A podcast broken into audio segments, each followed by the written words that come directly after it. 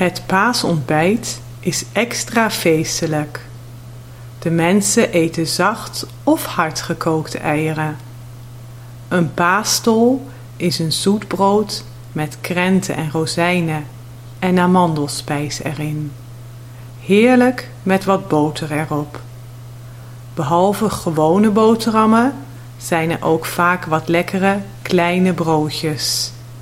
Een glas sinaasappelsap en het ontbijt is compleet.